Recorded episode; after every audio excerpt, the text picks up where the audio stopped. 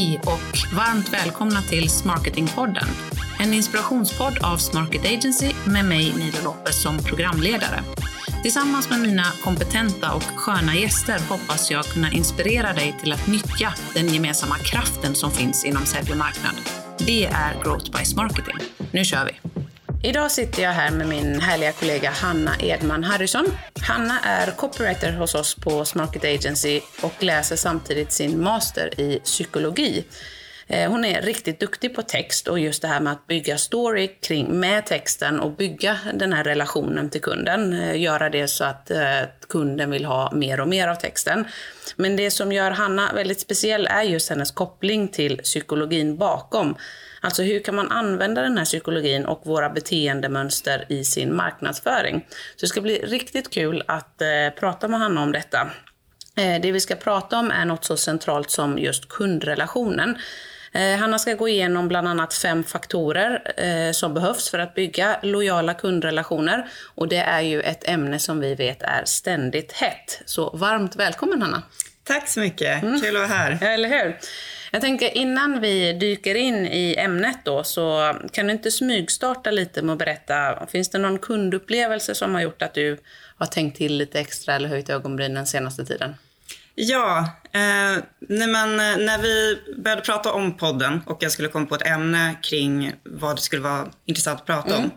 Eh, så kom det i samband med att eh, jag var inne på Facebook för några veckor sedan mm. Eh, och läste, jag är med i massa så här tjejgrupper på Facebook. Ja, det gör man. Eh, ja, jag tycker de är jätteroliga. Absolut, det är eh. kul att hänga, liksom bara, bara läsa. Precis, jag, jag skriver inga inlägg själv, men Nej. jag brukar läsa kommentarer och se mm. vad folk skriver och så. Och då, då var det just i samband med att eh, Bianca Ingrossos eh, sminkmärke hade mm. släppt någon eh, julkalender då. Som fick väldigt mycket kritik för mm. att hennes kunder var väldigt missnöjda med innehållet i den här kalendern. Det. Mm, det minns jag, det läste jag jättemycket om. Ja, eh, och det, jag tyckte att det var så himla intressant. Ehm, för att när jag läste de här kommentarerna så var de här, de här tjejerna som skrev var verkligen så himla himla upprörda. Mm. Och så himla himla ledsna. Mm. Um, vilket är såklart, man blir upprörd över om man har köpt en produkt som man inte är nöjd med. Absolut. Um, men det här kändes liksom på en annan nivå. Ja. Det lät som att liksom deras bästa vän hade förrått dem. ja, verkligen. Jag läste också några kommentarer och tänkte så här, men herregud, det är riktigt personligt det här.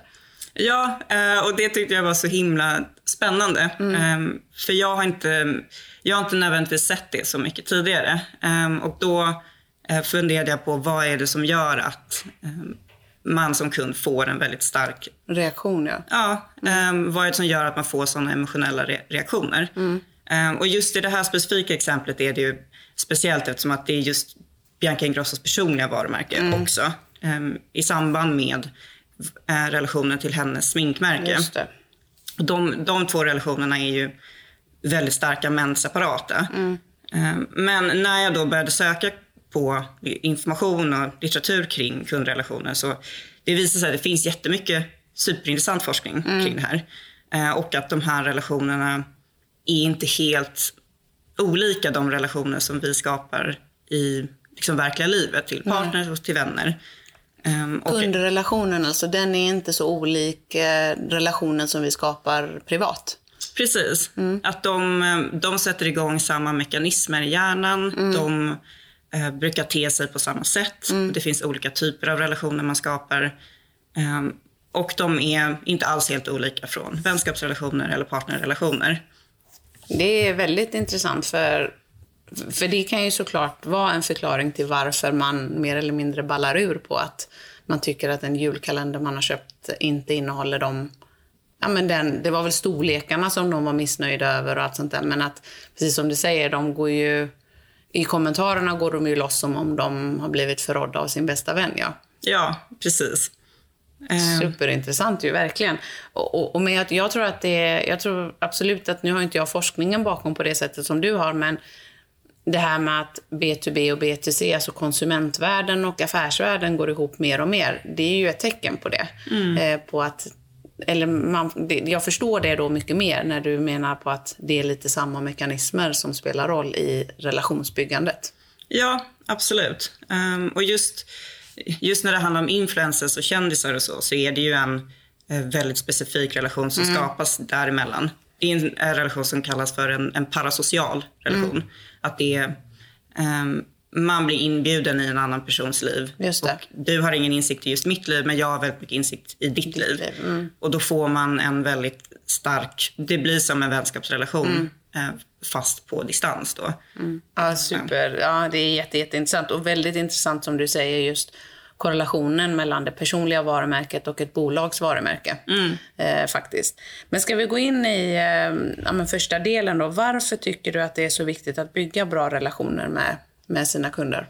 Ja, eh, det, framförallt är det viktigt att bygga långvariga, stabila relationer. Eh, Det är väldigt viktigt av flera olika anledningar.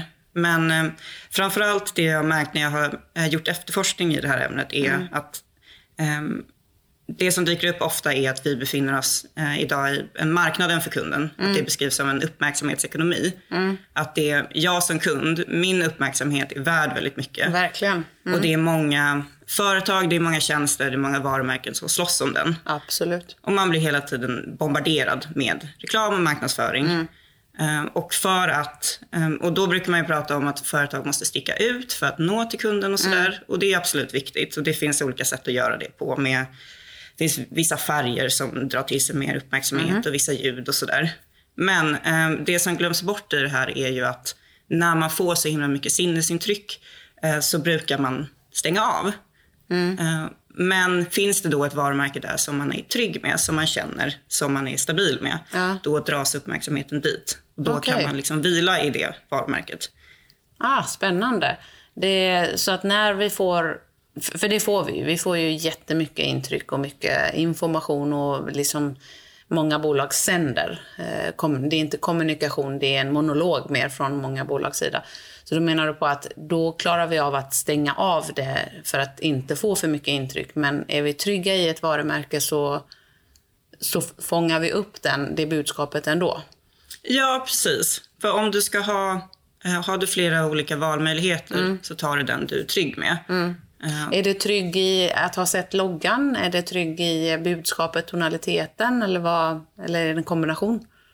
Ja, det, det är absolut en kombination. Mm. Men det är främst att eh, du kanske har tidigare erfarenhet med det här varumärket. Du har redan tillit till det. Mm. Eh, du har testat produkter tidigare. Eh, Just det. ja, eh, det, finns ju, det finns ju väldigt många mekanismer som sätts igång när du Mm. är trygg med Vad sa du att det kallas? Förtroendeekonomi? Uppmärksamhetsekonomi. Uppmärksamhetsekonomi. Ja, det är ju jätteintressant. Vi brukar ju prata om att förtroende är eh, den nya valutan. Eh, att eh, det är ju det vi spelar med, vi som söker, vi som säljer och marknadsför. Det vår valuta är att förtroende, att få någons förtroende. Så att det hänger ihop med då uppmärksamhetsekonomin. Och jag, det ligger mycket i det. Men okej, så det är superviktigt utifrån att det är väldigt många som söker uppmärksamheten.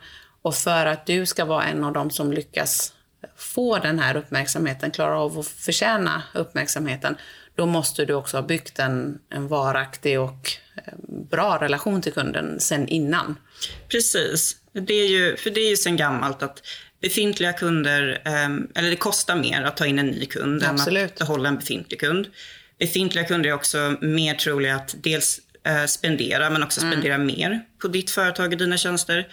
Eh, befintliga, och då ska tilläggas nöjda kunder, är ju mycket, är fyra gånger så troliga att rekommendera ditt företag till personer i, i, deras närhet. Um, vilket är också en, någonting som också glöms bort. Att det är ju en enorm tillgång att ha liksom word of mouth. Verkligen. Um, det är ju, Eh, de allra flesta tar ju sina rekommendationer från vänner, från familj. Från, Gud ja.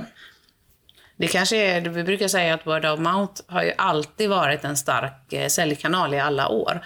Men i takt med, ja det låter töntigt att säga internet för det har ju funnits ganska länge, men i takt med att man använder sociala kanaler och alla olika möjliga digitala kanaler mer och mer, så har ju den eh, kanalen word of mouth blivit starkare och starkare, för det är så mycket lättare att sprida ordet. Oavsett om jag är nöjd eller missnöjd så kan jag säga det till ganska många ganska snabbt. mm, absolut. det, mm. Men okej, så det är viktigt, det håller jag 100% med om. Och eh, om inte annat för att, precis som du säger, tillväxten i bolaget hänger ju på kundrelationen. Vi finns ju till för eh, våra kunder. Utan kunder har vi eh, ja, men vi kan inte betala ut lön och vi kan inte växa. Så att eh, det är superviktigt. Och precis som du är inne på, det kostar så mycket mer tid, energi och faktiska pengar att eh, jaga in nya kunder. Så att jobba på att göra de kundrelationer man har starka och eh, lojala. Det är jättebra. Och vad, vi går in på vad är det som gör då att man får en stark relation till ett varumärke? Ja, eh, jag har ju då hittat en jätte, jättefin metaanalys nu när jag har sökt om litteratur för det här mm. ämnet. Eh, och en, me en metaanalys är Ja, vad är det? Ja, ska jag förklara ja. det först. Eh, en metaanalys är kort, kort och gott en sammanställning mm. av väldigt många olika studier. Okay. Eh, metaanalyser kan bara göras i ämnen som redan är väldigt mycket forskning inom. Ah, okay. Mm. Uh, så lite som en summering av flera olika um, forskningsrapporter kanske? Precis, mm. exakt så. Och då kan man dra ett snitt på vad man har kommit fram till okay. i just det här mm. ämnet. Uh, så den här metaanalysen innehåller nästan 300 olika studier från nästan 50 länder. Mm. Uh, och de har, det finns ju väldigt mycket forskning på just kundrelationer. Verkligen. För att det finns väldigt mycket intresse för Som företag. Som ständigt hett ämne. Ja, mm. absolut. Um, och då i den här metaanalysen har de kommit fram till att det är fem stycken faktorer mm. som är avgörande i att bygga en stark relation. Okay. Uh, och då är det framförallt två av de här som är de allra viktigaste, men mm. alla fem är väldigt viktiga. Uh, och då är Shoot, det, kör dem då. Yes. Det är anknytning till varumärket, mm. som är en, det är en känslomässig specifik koppling till ett varumärke. Okay. Mm. Um, och alla de här, som i all mänsklig psykologi, så går de lite in i varandra Fattar. allihopa. Mm, såklart. Um, men sen den andra är kärlek till varumärket. Och det är väldigt positiva känslor kopplade till ett varumärke. Okay. Och det kan, det kan också kännetecknas med att man lägger ner mycket tid och har mycket närhet till det här varumärket. Okay. Eller till exempel får separationsångest. Typ om en butik eh, ska stänga ner. Just det. Ja. ja, det är intressant. Men det, det, just den delen kanske är vanligast inom konsumentvärlden då, men eh, anknytning kan man ju definitivt ha i B2B-världen också, att man känner sig mer, mer anknyter mer till ett särskilt varumärke, vill hellre köpa från ett visst varumärke än från ett annat. Mm, absolut. Mm, okay, så anknytning och kärlek ja. till. Mm. Uh, och sen är det varumärkets koppling till det personliga varumärket. Mm. Uh, att Eh, jag använder det här varumärket för, för, att signalera till omvärlden vem jag är eller vem jag vill vara. Mm. Um, Apple är väl ett klockrent exempel där jag är ingen... Och jag kan själv säga så ibland, så här, det skämtsamt om någon säger att varför, varför envisas du med Mac? Och så sa jag att det handlar om mitt personliga varumärke och så skrattar jag lite. Och det må vara skämtsamt sagt, men det stämmer ju. För det, man vill ju förknippas med vissa varumärken och vissa vill man inte förknippas med som person. Ja, absolut. Och det blir jättetydligt i, um, i konsumentvärlden då, men kan mm. också vara um, väldigt tydligt i affärsvärlden också. Ja, absolut. Mm, okay. Vad sa du att den tredje var? Just kopplingen mellan det personliga varumärket och bolagets varumärke? Precis. Mm. Hur man använder ett varumärke för att kommunicera med omvärlden. Okej. Okay. Om, mm. sin egen, eh, om sitt eget personliga varumärke? Ja, precis. Mm. Okay.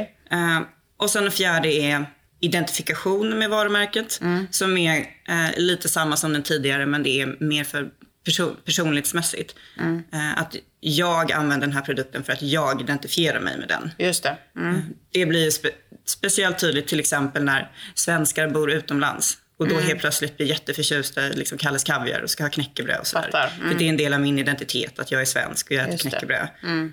Uh, och sen den femte då är tillit till varumärket.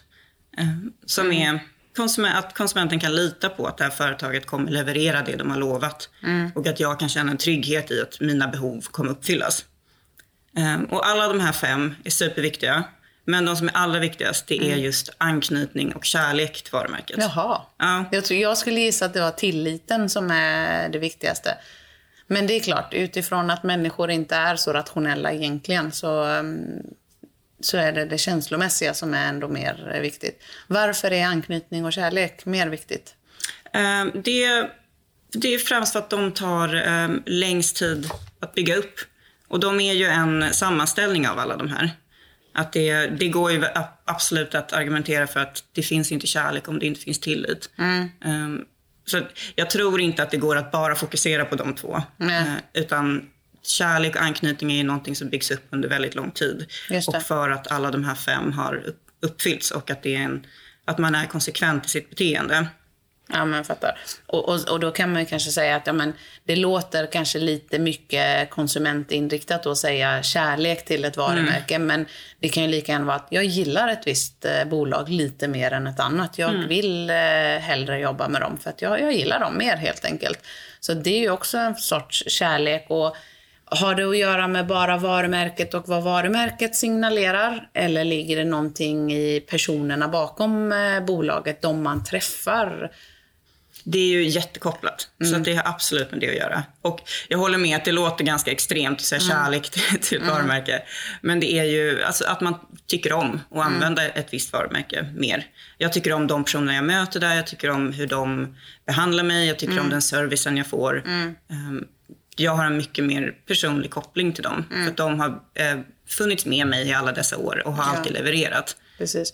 Och då kan man ju, jag, jag skulle person, utan att vara någon forskare alls, eller ha läst några av de här studierna, så om du säger att anknytning och kärlek är de eh, viktigaste faktorerna, då skulle jag säga att det för ju med sig den som jag skulle säga som viktig därefter då, vilket är mm, kanske tilliten. Ja, absolut. Eh, Den är absolut superviktig och den är ju en byggsten för att bygga kärlek och anknytning. Att man har tillit. Ja, alltså eftersom att du måste, ha, du måste ha tillit, du måste ha en bra relation över en lång tid för att bygga en liksom, kärlek till varumärket och bygga anknytning till det. Um, Man kan ju se det som en, ja, en kärleksrelation eller en vänskapsrelation. Att de blir ju inte så djupa och starka förrän det har kanske gått några år och man har varit med om mycket tillsammans och kunnat leverera det man ska till varandra under Ja, den tiden. exakt. Hålla sina löften liksom, absolut. Ja. Men eh, eh, okej, och så, så då är det ju... Jag brukar säga att marknadsföring är, eh, det är ingen quick fix. Det är ingenting, det går inte. Marknad kan inte göra så stor impact på kort sikt. Eh, när några kunder kommer och säger men vi behöver sälja nu i Q4, ja men då är det ju säljsjobb att göra det. Om marknad ska bygga den här relationen så tar det lång tid. Eh, Det hänger ju ihop med det du säger då. Man kan ju inte, åtminstone inte som ett nystartat bolag eller ett, ett, eh, ett varumärke som inte har en så stark anknytning till sin målgrupp, bygga den på kort tid. Hur lång tid tror du att det tar? Är det jätteolika eller kan man säga att man måste ge det x antal månader eller år? Det är svårt, det är svårt att säga. Mm. Man kan ju få ehm, en liksom, initial hype på ett varumärke. Att det går väldigt bra i början. Just det. Ehm, men sen att det dalar senare för att man inte lyckas hålla eh, tilliten och hålla det här som man, man lovar. Eller det, är någon, det här varumärket blir inte lika coolt längre. Eller man har Nej. inte lika stor användning för det. Fattar. Ehm, Men jag skulle absolut säga att man ska räkna med ett år i alla fall. Ja. Ehm, För att verkligen, och framförallt vara konsekvent i sitt, eh, hur man behandlar sina kunder. Just det. Eh, Det går ju inte att lägga ett år och sen släppa det sen. Nej. Och tro att nu har vi en stabil relation med våra befintliga kunder. Nu, nu kan Nej. vi släppa det. Ja, nej absolut. Nej, för de kan ju givetvis ändra sig. Eh, Det kan man ju göra. Eh, och kanske lite beroende på hur lång tid man har lagt på kundrelationen. Har man en varaktig, lång kundrelation med eh, kunder i flera, flera år så kommer det ju krävas fler eh, dåliga exempel eller fler misslyckanden innan man faktiskt tappar det förtroendet eh, såklart. Men, eh, men det är ju skört i början. Så okej, så cirka ett år. Det, det tror jag rimmar väl med att vi brukar säga att om man nu ska börja generera leads, vilket är kanske det ultimata tecknet på att jag har någons förtroende, de visar ett intresse i, i oss som bolag. Det händer normalt sett inte under sex månader, så att det är sex månader och uppåt, lite beroende på hur lång säljcykel man har. Så då rimmar det ju ganska väl med att det tar eh, tid, det tar upp mot ett år att bygga den här relationen. Vad ska man tänka på då för att bygga de här långvariga kundrelationerna med kunderna? Ja, eh, då ska man framför allt så måste man ju tänka på vem är min kund? Och lära känna dem. Visa på att eh, du bryr dig om vem din kund är och förstår deras behov. Eh, och liksom ge, den, ge marknadsföring som är specifikt riktad till just dem. Just det. Och sen um, är det superviktigt att när du väl har lärt känna din kund att du kan kommunicera med den. Mm. Och ha en, inte en monolog då, utan du har en dialog, en dialog med kunden. Ja. Den, den, är svår tycker jag i eh, business to business-världen att få till den här dialogen. Men jag håller med om att det är det som är det viktiga. Mm. Ja, precis. Det är ju, eh, det är ju inte jättekul att höra från någon som aldrig hör av sig förutom när de vill någonting Nej, av dig. Exakt. Um, så att det är Eh, det är viktigt att liksom fråga sina kunder om mm. feedback. Är det någonting vi kan göra bättre? Är det någonting som du efterfrågar? Gärna innan kunden själv har någonting att klaga över. Absolut. Mm. Eh, att man är, är, lite proaktiv i det. Mm.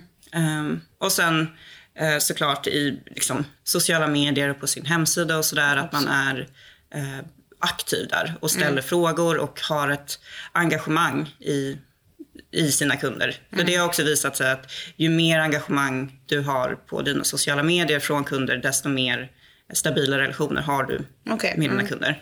Så då är det ju inte bara en hype kring att eh, ska man säga, jaga likes och jaga delningar, utan det har ett faktiskt värde i hur långvariga kundrelationerna blir eller hur bra de är.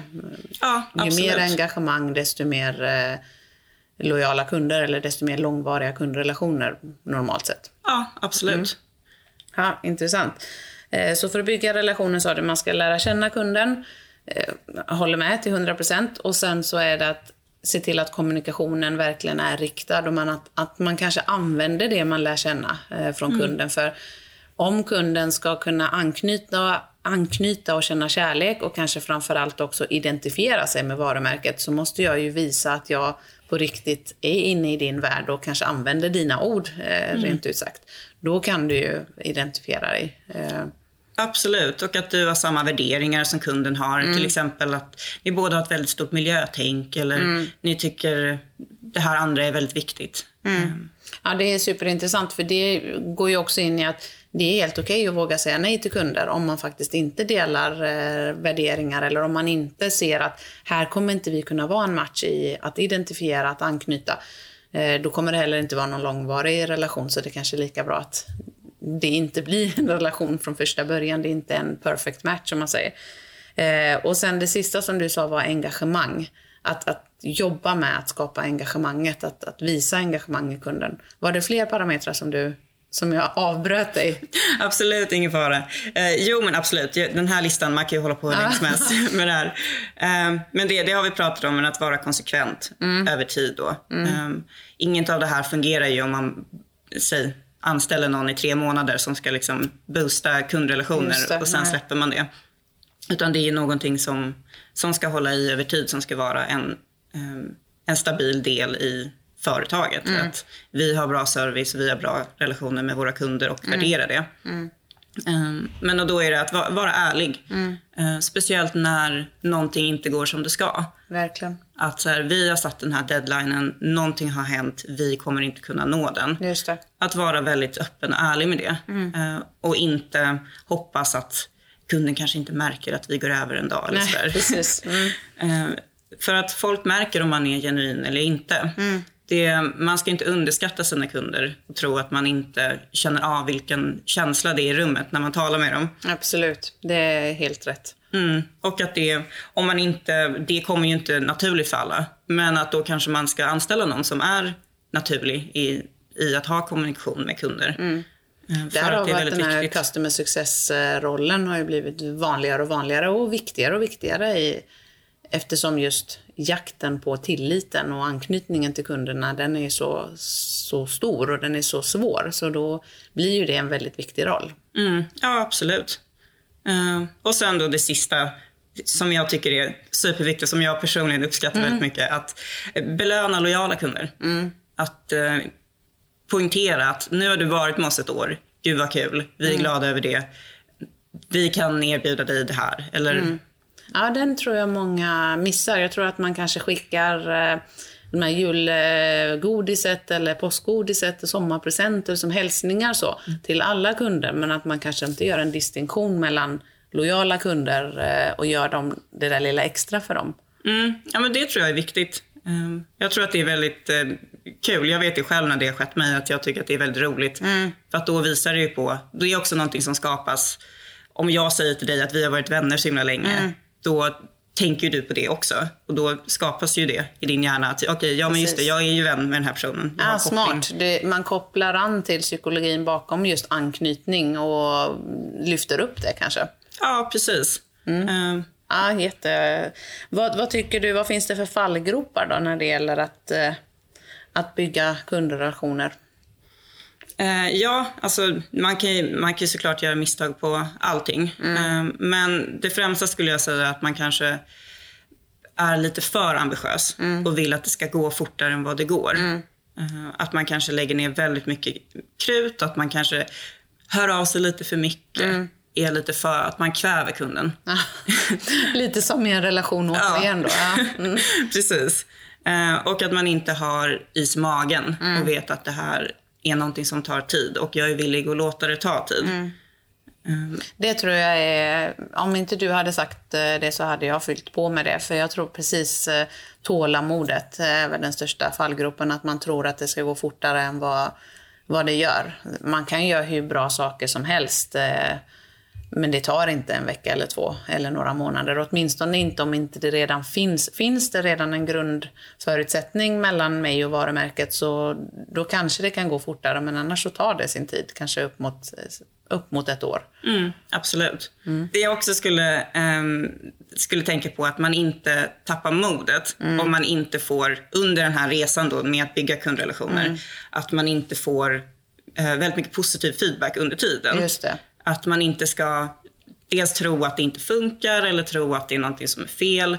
Ehm, för ofta är det ju så att man får faktiskt bara feedback när man gör något dåligt. Ja, i början, i början är det så. Men, det, men efter ett tag får man ju, det, det tycker jag att vi har märkt. Mm, absolut. Eh, att det tog, eh, för oss tog det nog längre än ett år ska jag säga, men vi var ju också helt nystartade som bolag. Eh, men kanske någonstans efter ett och ett halvt år att vi börjar känna att ett, det börjar ge resultat och två, folk hör av sig, inte bara om det är något som inte funkar, utan också för att peppa och säga att de tycker något är väldigt bra. Ja, och det är ju underbart ju. Och det är ju någonting som sker när ni hade skapat en bra relation och ha, hade under tid kunnat visa att ni gör det lilla extra och att ni, har, ni värnar om era kunder, kundrelationer. Ehm, för det är ju någonting som man får ju inte de möjligheterna varje dag med en kund. Att Nej. visa att jag gör det lilla extra, ehm, jag är tillgänglig hela tiden. Eh, Så att det märks ju bara när de möjligheterna dyker upp. Och då är det ju viktigt att ta tillvara på de möjligheterna. Ja, gud ja. Absolut. Eh, men okej, om vi skulle ta och summera det här. Först tänkte jag, de, ska vi ta och gå igenom de fem faktorerna eh, en gång till? Vilka var det? Ja, de viktigaste då var anknytning till varumärket Ja. och kärlek till varumärket. Och det är de som också tar längst tid att bygga upp. Ja. Eh, sen är det eh, varumärkets person, eller koppling till det personliga varumärket. Eh, hur jag använder varumärket för att signalera till omvärlden vem jag är. Just det. Eh, identifikation med varumärket. Eh, hur mycket jag personligen identifierar mig med det här varumärket. Eh, och sen är det tillit till varumärket. Okej. Mm. Snyggt. Eh, och om du skulle då summera och ge dina tre eh, diamanter kring kundlojalitet. Vi har säkert kommit in på några, men vad skulle du välja som de tre starkaste diamanterna kring kundlojalitet och att bygga det? Eh, ja, det absolut viktigaste, jag personligen då, tycker att tillgänglighet är det viktigaste. Eh, att, de, de, går- att det här varumärket, eller det här företaget går att nå ehm, på olika, olika plattformar. Jag, kan, jag vet att jag alltid kan nå dem, jag kan ringa, jag kan mejla, jag kan skriva på sociala medier. Om det är någonting som har hänt och det är alltid någon som svarar mig. Just det. Eh, och om de inte svarar direkt, att man får ett sånt här automatiskt svara dig inom 24 timmar. Just det. Mm. Så att man får information hela tiden om vad det är som händer. Eh, det tycker jag visar på att jag är en viktig del av det här företaget. Eh, och det tycker jag är det absolut viktigaste. Eh, och sen eh, två också att, jag, att känna sig sedd. Det går ju lite in i den första. Men att eh, man kanske får nyhetsbrev och uppdateringar och Just det, det. kanske står mitt namn där, hej Hanna. Eh, att, man, att jag känner mig sedd och att jag är en del av den här familjen som man skapar. Personifi- personifieringen, alltså att göra det så personligt det går. Ja, precis. Utan att göra det allt för personligt. Ja, precis. Mm. Um, men eh, absolut, att göra, det, göra det personligt helt enkelt. Eh, och sen tredje då, är jag, jag tycker om estetiken i allting. Att det ska Um, det, ska, det ska se fint ut, det ska vara tilltalande. Absolut. Um, det, ska, det ska se professionellt ut, det ska, man ska känna en trygghet i um, det här företagets hemsida, estetiken. Det är ju någonting som gör att man vill bli förknippad med det företaget mm. också.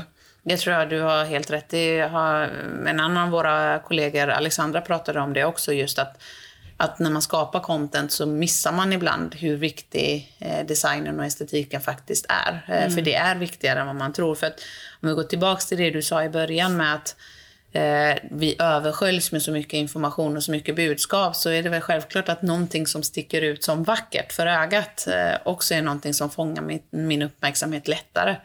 Så att, mm. Så om jag summerar dina diamanter så är det tillgänglighet, eh, att eh, bli sedd, eh, mm. personifiera på något sätt och sen att inte missa estetiken i, i att bygga relationen. Absolut. Snyggt. Mm. Stort tack Hanna för bra jag har också fått lära mig vad en metaanalys är idag, så det är bara en sån sak. Tack för jättebra tankar och klokskap kring just kundrelationer. Vi lär ju kunna återkomma till det här ämnet, för det finns ju så mycket eh, att, eh, att prata om kring kundlojalitet. Men innan du eh, lämnar oss idag så tänkte jag du ska få tre snabba frågor. Absolut. och du ska bara svara med magen. Mm. Okej, okay. är du redo? Jag är redo. Hemmakväll eller utekväll? Utekväll. Ja, snyggt. En bra bok eller en podd? Ja, den är jättesvår. Jag gillar båda väldigt mycket. Får jag säga båda? Ja, det får du. Det är många som har sagt så. Öl eller vin? Öl. Öl. Mm, spännande. Jag har aldrig lärt mig att gilla öl. Eh, någon gång har jag testat bara för att det ser så gott ut på sommaren när någon dricker en kall öl, men jag har inte lyckats än.